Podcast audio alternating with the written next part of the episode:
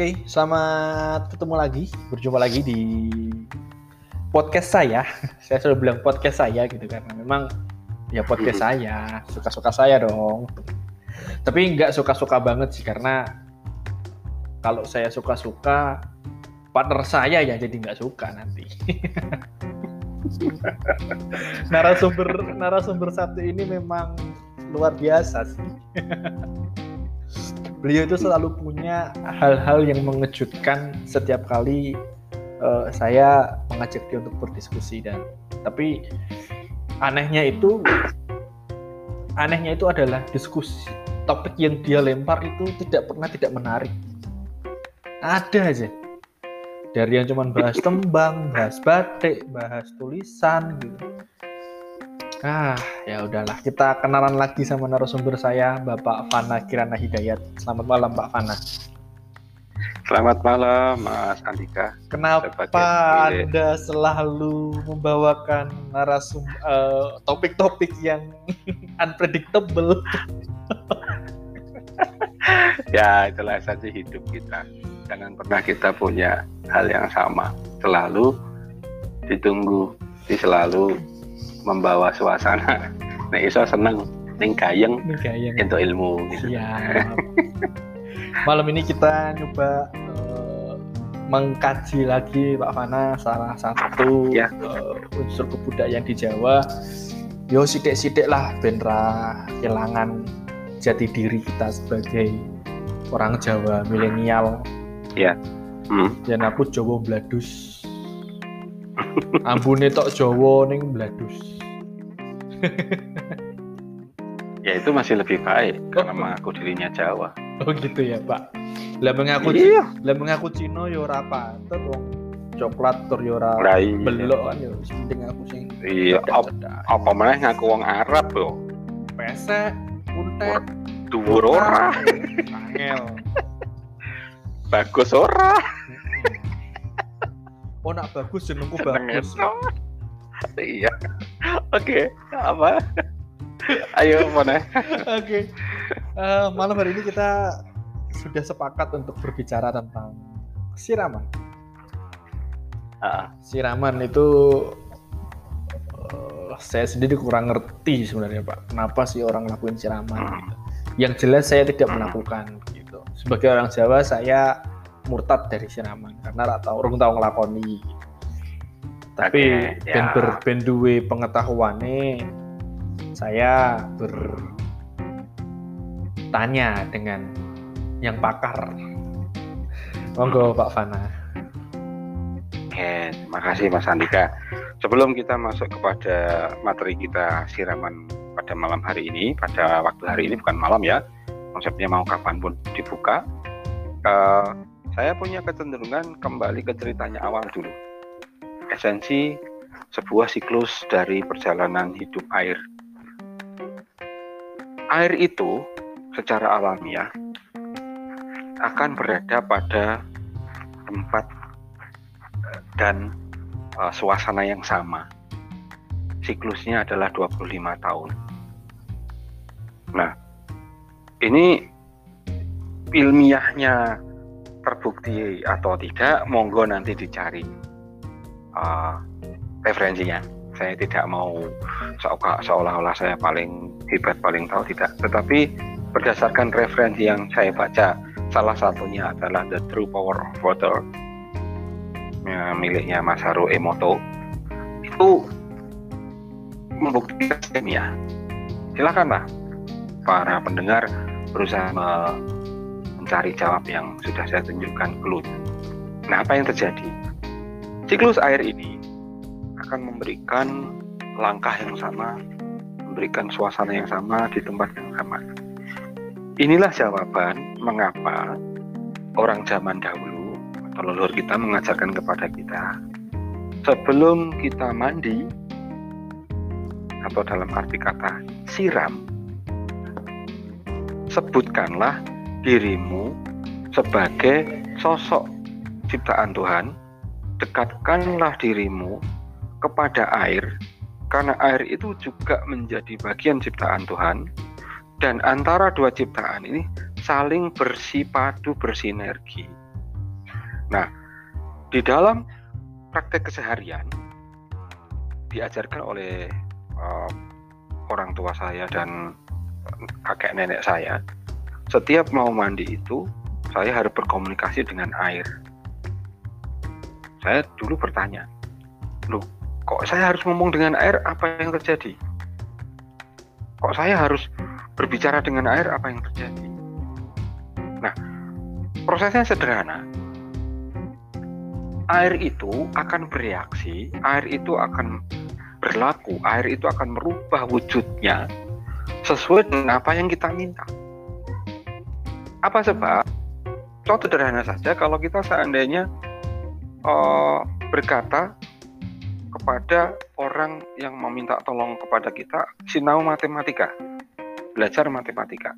Ketika kita mengajarkan matematika yang banyak orang menyebutkannya itu sulit, kemudian terjadi emosi muncul di dalam tubuh kita dan kita berkata, kamu itu loh diajari sama berjam-jam matematika, goblok. Apa yang terjadi? Reaksinya sungguh aneh. Individu yang kita ajak berkomunikasi ini sebagai orang yang berharap menjadi bisa dari belajar apa yang kita lakukan. Justru yang terjadi jadi goblok bener. Mengapa sebab? Karena ucapan yang kita keluarkan berkata goblok. Setelah ditelusuri menuju ke arah yang lebih detail, Ternyata ketika manusia itu berucap, dia mengeluarkan uap air. Karena suara kita itu pasti keluar dari tubuh dan tubuh itu menghasilkan suara di dalam kerongkongan karena ada dorongan udara yang mengandung uap air. Dan uap air ini ternyata mengarah ke mana? Ke arah individu yang kita sebutkan. Karena orang kalau emosi itu mesti mendekati dan berteriak keras. Sehingga muntratlah serombongan air itu ini agak agak menanyakan tapi itu kejadiannya begitu dan responnya diterima ingat air itu akan bereaksi membentuk apa pun seperti apa yang kita ucapkan dan mari kita lihat telisik lagi ternyata manusia itu 70 75% tubuhnya terdiri dari air. Dan responnya sungguh sangat di luar dugaan. Maka dari awal ketika kita berhadapan dengan kata air dan siram, berhati-hatilah suasananya. Berhati-hatilah ketika mengucapkannya. Nah, bayangkan kalau siram ini kita berkata, Gusti, padahal tidak boleh nyebut kata Tuhan kan, tapi kan konsep Jawa oh, nggak mau peduli itu di kamar mandi di apa. Kalau kamu ingat Tuhan ya silahkan nggak masalah. Buktinya kita berkomunikasi dengan ayat sebutkan Gusti kanti toyo ingkang wonten Mbak wonten panggenan wadah niko samangke kulo angge adus kulo nyuwun toya menika sageta ngiling-ngiling bentuk wadak kula ingkang sak menika. Jadi Tuhan, saya berharap melalui air yang ada di hadapan saya itu berupa wadah di dalam bak ataupun di dalam bentuk wadah apa pun, air ini menghafalkan tubuh saya yang ada dalam kondisi saat ini. Dan inilah doa dasar atau apa tembung ini semacam bukan ajimat, tetapi sebuah ungkapan bahwa kalau ini diucapkan setiap hari pagi dan siang bayangkan. Air akan kembali lagi siklusnya 25 tahun yang akan datang. Yang diapalkan tubuh kita yang mana? Yang diapalkan oleh air itu tubuh kita ketika waktu muda. Jangan heran kalau orang Jawa usianya sudah sepuh-sepuh tapi masih kelihatan seger. Karena apa? Setiap hari air yang 25 tahun disebut itu balik meneh. Kembali lagi dalam suasana yang sama. Boleh percaya, boleh tidak. Inilah konsep yang dikatakan siraman. Selesai. Nah, mari kita lihat siraman di dalam ritual budaya Jawa uh, kita ambil dua dua pokok dasar saja yang yang sering kita hadapi. Yang pertama itu siraman sebelum kita melakukan prosesi pengantin. Jadi satu hari sebelum bahagian temanten yang ada di padi-padi itu. Kemudian ada lagi yang kedua, siraman ketika ibu hamil dalam usia kehamilan tujuh bulan. Ini ada. Mengapa eh, titik-titik uh, atau eh, saat-saat itulah banyak dilakukan? Karena seperti kita ketahui bersama bahwa prosesi pengantin itu ya kita bahas yang pertama dulu ya prosesi itu sungguh sangat berharap uh, sejelek apa pun orang. Sejelek apa pun berarti itu kita sudah menyebut sebuah trademark ya. Mhm. sejelek apa pun. Ya seeksotis apa pun deh aku nggak akan mengatakan sejelek apa pun seeksotis apa pun seseorang ketika dia ingin ditonton banyak orang disaksikan banyak orang karena nanti ketika kita berada di pelaminan itu kita inginnya seolah-olah kita itu paling cantik di dunia, paling hebat di dunia, paling ganteng, paling bagus. Nah, salah satu uh, metode yang paling sederhana dan tidak mahal adalah melakukan. Karena apa? Karena siraman itu sendiri, kecuali kita mandi, kita mandi, hmm. kita itu diberi doa oleh berbagai komponen masyarakat. Jadi ketika kita ingin melakukan siraman itu kita sudah menghubungi orang-orang yang kita pilih.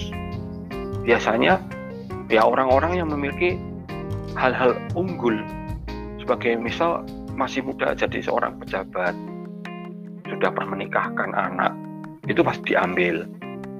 Atau uh, seorang yang memang berpengaruh di lingkungan ketika uh, berbicara di depan umum bahasanya sangat enak didengar menyegarkan kemudian memberikan solusi.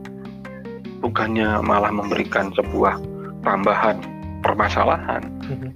nah uh, biasanya orang-orang yang sedemikian hebat ini atau memiliki hal yang unggul ini dijadikan uh, panutan sehingga nanti proses siramanya beliau yang melakukan.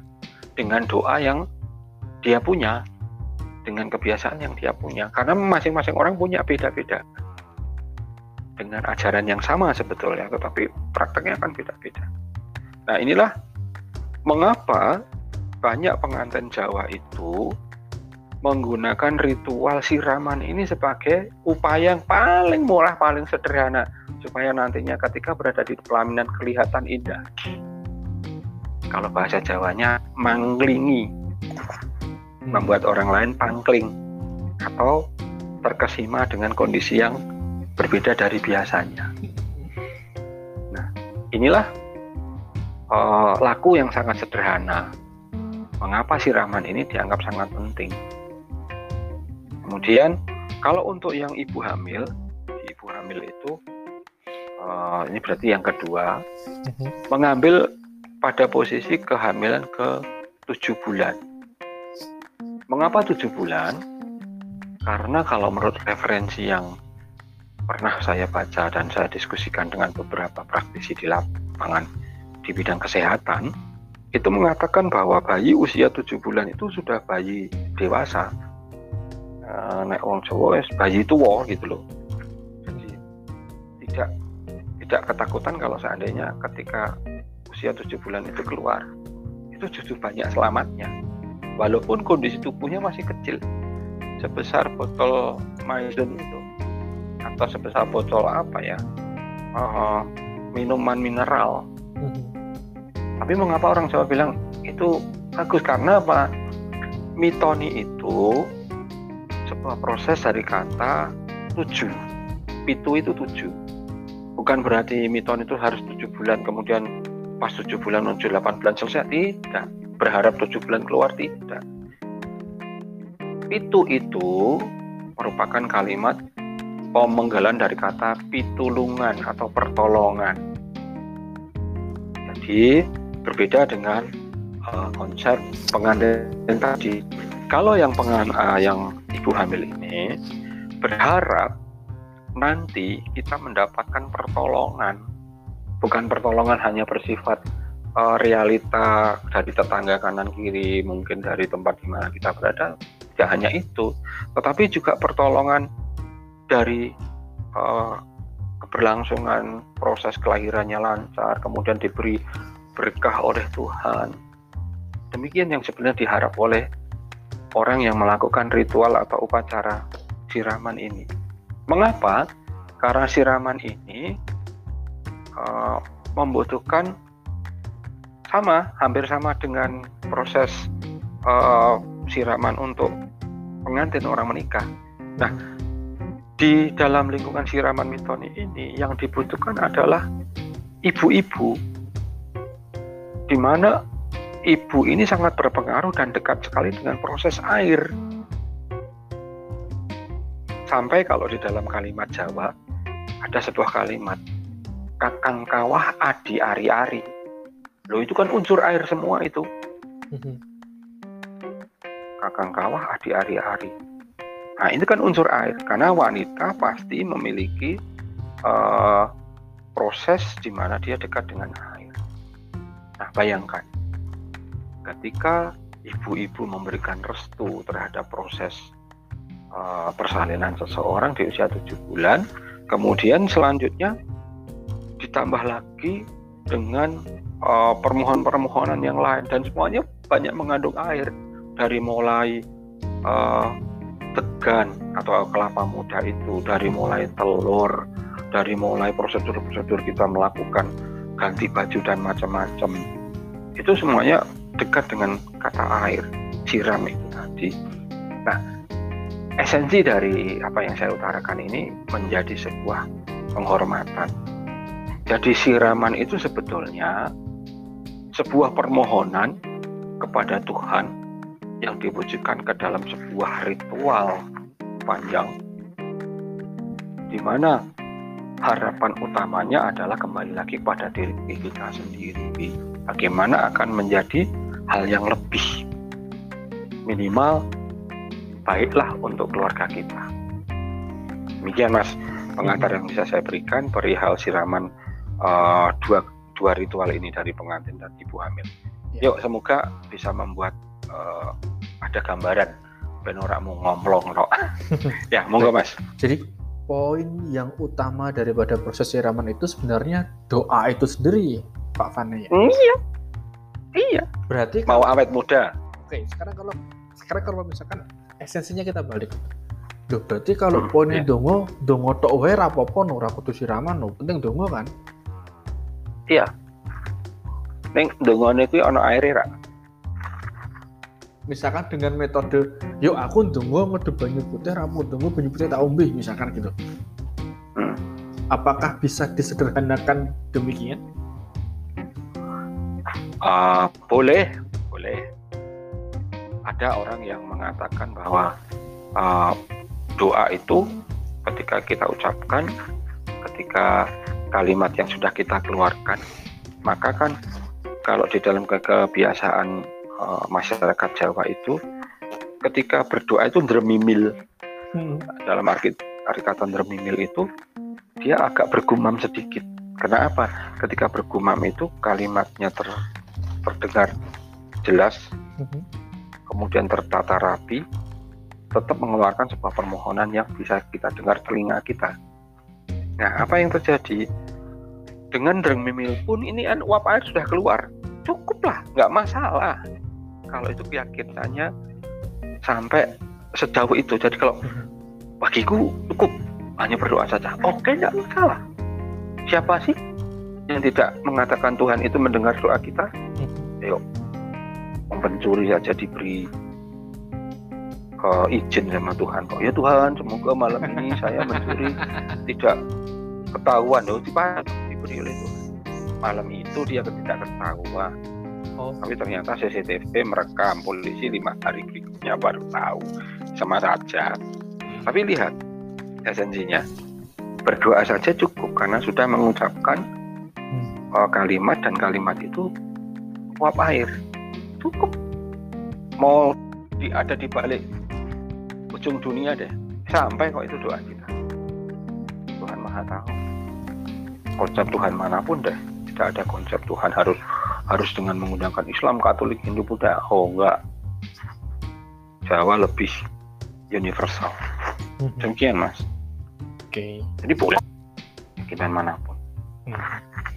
Jadi ternyata di balik sebuah prosesi itu yang terpenting bukan eh, aktivitas fisiknya apa yang dilakukan, tapi apa yang diminta dan bagaimana memintanya. Kalau segala sesuatunya kita sampaikan ke vertikal, sampai pasti sampai lah ya. Asalkan keyakinan pasti sampai keyakinan dalam diri kita utuh begitu sampailah insya Hmm. Allah kalau bahasanya wusul. Wusul itu tekan gitu kan. Tekan tekan. Iya. angger yakin lo ya. Nah. enggak. Angger yakin. Tapi ya itulah gitu. Keyakinan adalah kunci. Ya tapi siraman tapi kan siraman itu kan tadi yang jadi permasalahan kita adalah siram itu di oh gitu loh. proses siram itu sebetulnya proses siram itu yang kita lakukan adalah komunikasi antara jiwa kita eh dengan fisik fisik kita bukan jiwa jadi fisik kita wadak nek wong Jawa ngarani kayak dhewe kuwi berkomunikasi dengan air jadi air akan melihat hmm. merespon kebutuhan kita. Karena aku hari ini pengen, karena mungkin ya kalau kita siramannya ibu hamil, berarti aku pengen engkau entuk pitulungan. Ketika mandi kerujuk itu airnya kan meresap lagi ke sana. Dan berita ini disampaikan ke seluruh dunia. Air itu kan ber- berbicara. Ini rumusnya kuwi. berarti seolah-olah orang Jawa itu mengada-ada. Tapi Masaru Emoto mengatakan dengan penelitian ilmiahnya itu. Silahkan nanti dibaca itu referensi yang sungguh sangat saya ingin para pendengar benar-benar mengikuti bacaan tulisannya. Bahwa responnya itu yang akan didengar seluruh dunia. Wong dengan berucap saja itu responnya ada kok. Buktinya apa? Doa kita itu didengar, direspon.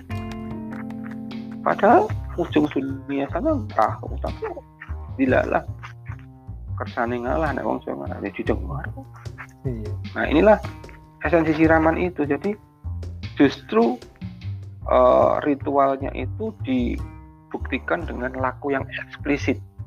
Yang nyata bener. Oh iya aku pengen ya udah mandi. Aku kok pengen awet muda ya tampilanku.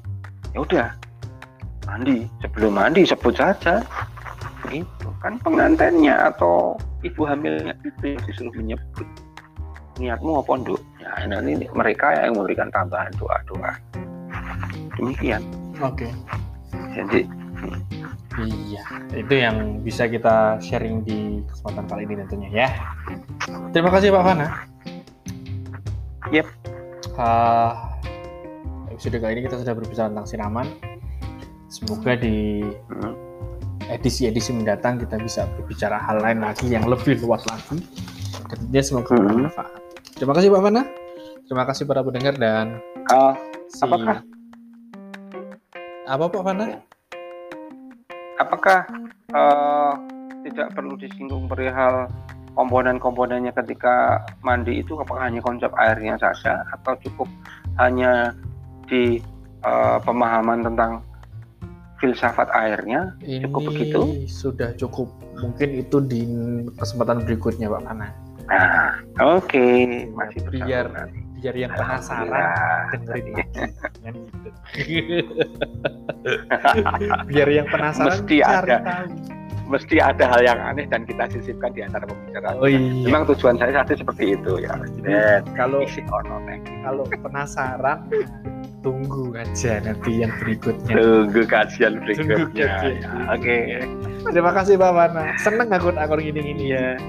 Iya, Mas Andika. Sampai jumpa di berikutnya tetap di podcast saya.